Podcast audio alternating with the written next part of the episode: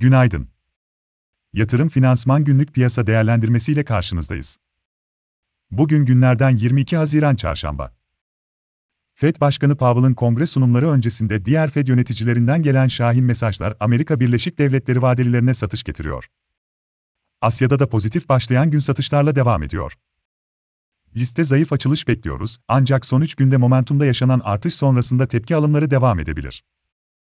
Türkiye 5 yıl vadeli CDS primleri 800-805 bas puan civarına gerilemiş durumda, Eurobond faizlerinde de kısmi gevşemeler dikkat çekiyor. BIST 100 endeksinde 2550, 2510 ve 2470 destek, 2600, 2620 ve 2685 direnç olarak izlenebilir. Ajandada ise içeride Haziran ayı tüketici güveni, dışarıda Amerika Birleşik Devletleri haftalık mortgage başvuruları izlenecek. Ek olarak bugün 16.30'da, yarın 17'de Fed Başkanı Powell'ın Senato ve Temsilciler Meclisi'nde yapacağı yarı yıl sunumları takip edilecek.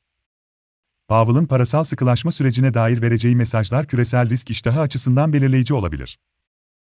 Yatırım finansman olarak bol kazançlı bir gün dileriz.